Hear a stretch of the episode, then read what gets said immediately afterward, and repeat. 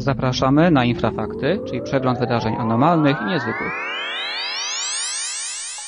Witam w serwisie Infrafakty, prowadzonym przez grupę Infra specjalnie dla Radia Wolne Media. Przegląd wydarzeń anormalnych i niezwykłych z ostatni. E, mówi Michał Kuśnierz, witam Piotra Cielebiasia. Witam. Piotrze, dziś e, poruszymy kilka zagadnień z zakresu ufologii. E, co, było, co najważniejszego się wydarzyło? Wydaje mi się, że powinniśmy tu powiedzieć o e, ujawnieniu kolejnej e, partii, że tak powiem, e, UFO Act z Brazylii. Y, Tak, możemy poruszyć ten temat, jak i kilka innych. Ten tydzień nie obfitował y, zbytnio w doniesienia o zjawiskach paranormalnych y, czy UFO. Pojawiło się tylko kilka wartych uwagi informacji, innymi to, o czym wspomniałeś, jak i manifestacja UFO nad wsią e, Proskórna na Białorusi, jak też pewne mało szczegółowe doniesienie z Rosji o dwóch kobietach, które obserwowały dość dziwny obiekt. Natomiast co do Białorusi, co do Białorusi i do Brazylii, bo na tym się skupimy. Mm, e, Brazylia publikuje kolejną partię materiałów. Jest to sprawa na tyle skomplikowana, że nie wiemy właściwie e, co to są za materiały. Mhm. Zostały nam przesłane jedynie e, prawda, zapowiedzi. E, Faktycznie Brazylia już ujawniła e, część materiałów, ujawniła ją e, prawda, we wcześniejszych latach, także jest to sprawa dość zawikłana. Natomiast jest e, ciekawa, bo zawiera dość e, barwne szczegóły pewnych, pewnych spotkań, jakie miały miejsce właśnie w tym kraju, w którym dochodzi do największej liczby obserwacji e, UFO na świecie. Tak, znaczy właśnie dobrze, że się o tym wspomniał, dlatego że e, e, wsz- wszelkie serwisy, znaczy piszą o tym, że rząd brazylijski ujawnia kolejną e, część materiałów o UFO. Nie do końca tak jest, bo to jest bardziej ujawnienie materiałów pewnej grupy, która wcale nie była tajna, prawda? Która pracowała nad przypadkami obserwacji UFO. Tak, nie ujawnił tego rząd, y, po pierwsze. Y, Po drugie, te materiały były znane od dawna i zostały przekazane jednej z grup ufologicznych przez y, pewnego wojskowego, który koordynował y, tak zwaną operację Prato, czyli mm, prawda, to był taki dość kontrowersyjny incydent, kiedy to mm, pewien obszar Brazylii znalazł się, że tak powiem, pod obstrzałem obcych.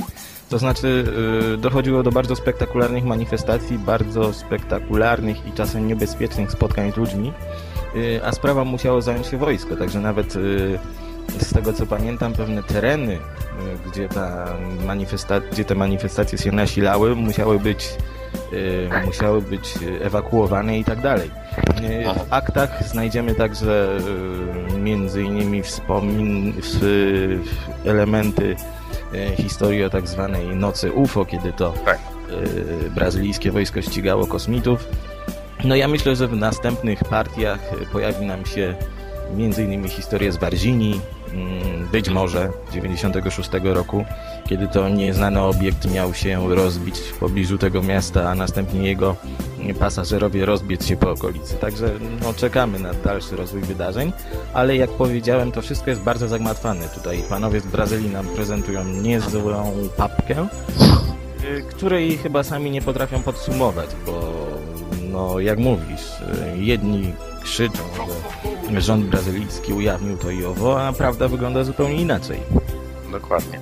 A w ogóle przypadki z Brazylii są e, niezwykle ciekawe i wiele z nich prezentujemy na naszej stronie, także zachęcam do zapoznania się z tym i e, na pewno jeszcze kolejne e, relacje będziemy opisywać.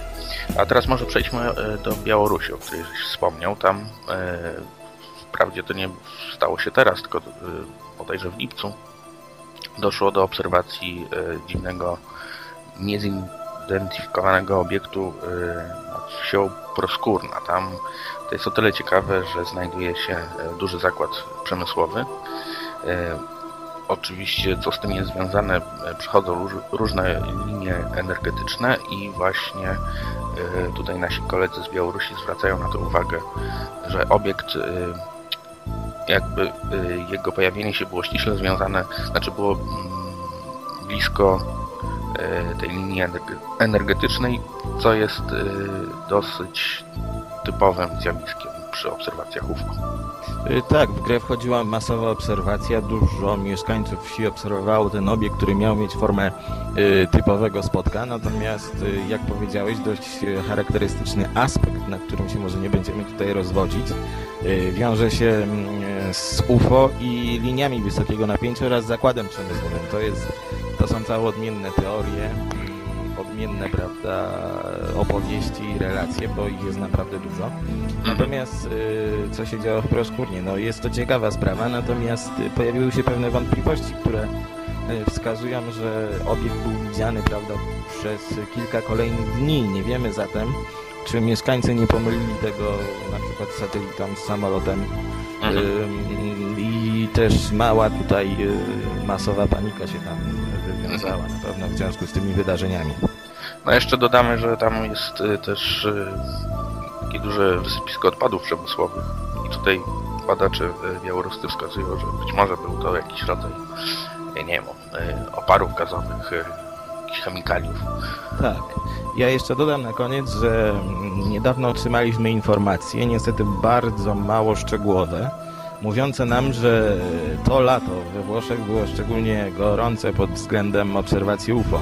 Mhm. E, Wywiązała się tam nawet e, mała fala, mm, o której mam nadzieję doniesiemy. Niestety nie posiadamy żadnych e, szczegółowych informacji na ten temat. Mhm. E, A jeszcze może wrócić, jeśli mówimy cały czas jeszcze, trzymając się tematyki UFO, e, o Polsce, bo poprzednio żeśmy mówili o e, obserwacji, którą żeśmy opisali na naszej stronie z województwa warmińsko-mazurskiego. Wspomnieliśmy też o Sandomierzu. Niedługo się ukaże materiał na ten temat e, i z tego co wiemy, bada to nasz e, przyjaciel Marcin Popek, E, Sprawa jest niezwykle ciekawa, prawda? Bo tu możemy ujawnić parę drobnych szczegółów. Tak, y, pod koniec 2008 roku mm, w Sandomierzu zaobserwowano dziwny obiekt. Y, Miał on kształt bumeranga, mm, ob- zaobserwował go dość wiarygodny świadek, tylko obserwacja była bardzo krótka. Obiekt y, nie tylko wyglądał niezwykle, ale też w dziwny sposób przemieszczał się po niebie. Y, Co się okazało? Był to tylko jeden z elementów y, ubiegłorocznej fali obserwacji latających trójkątów w Polsce, która obejmowała tam kilka relacji. Natomiast w tym roku, co ciekawe, mm, bardzo podobny obiekt do tego z 2008 roku był widziany w Sandomierzu po raz kolejny y, przez dwie osoby. Nie chcę tutaj wchodzić w szczegóły, których jeszcze do końca tak naprawdę nie znam.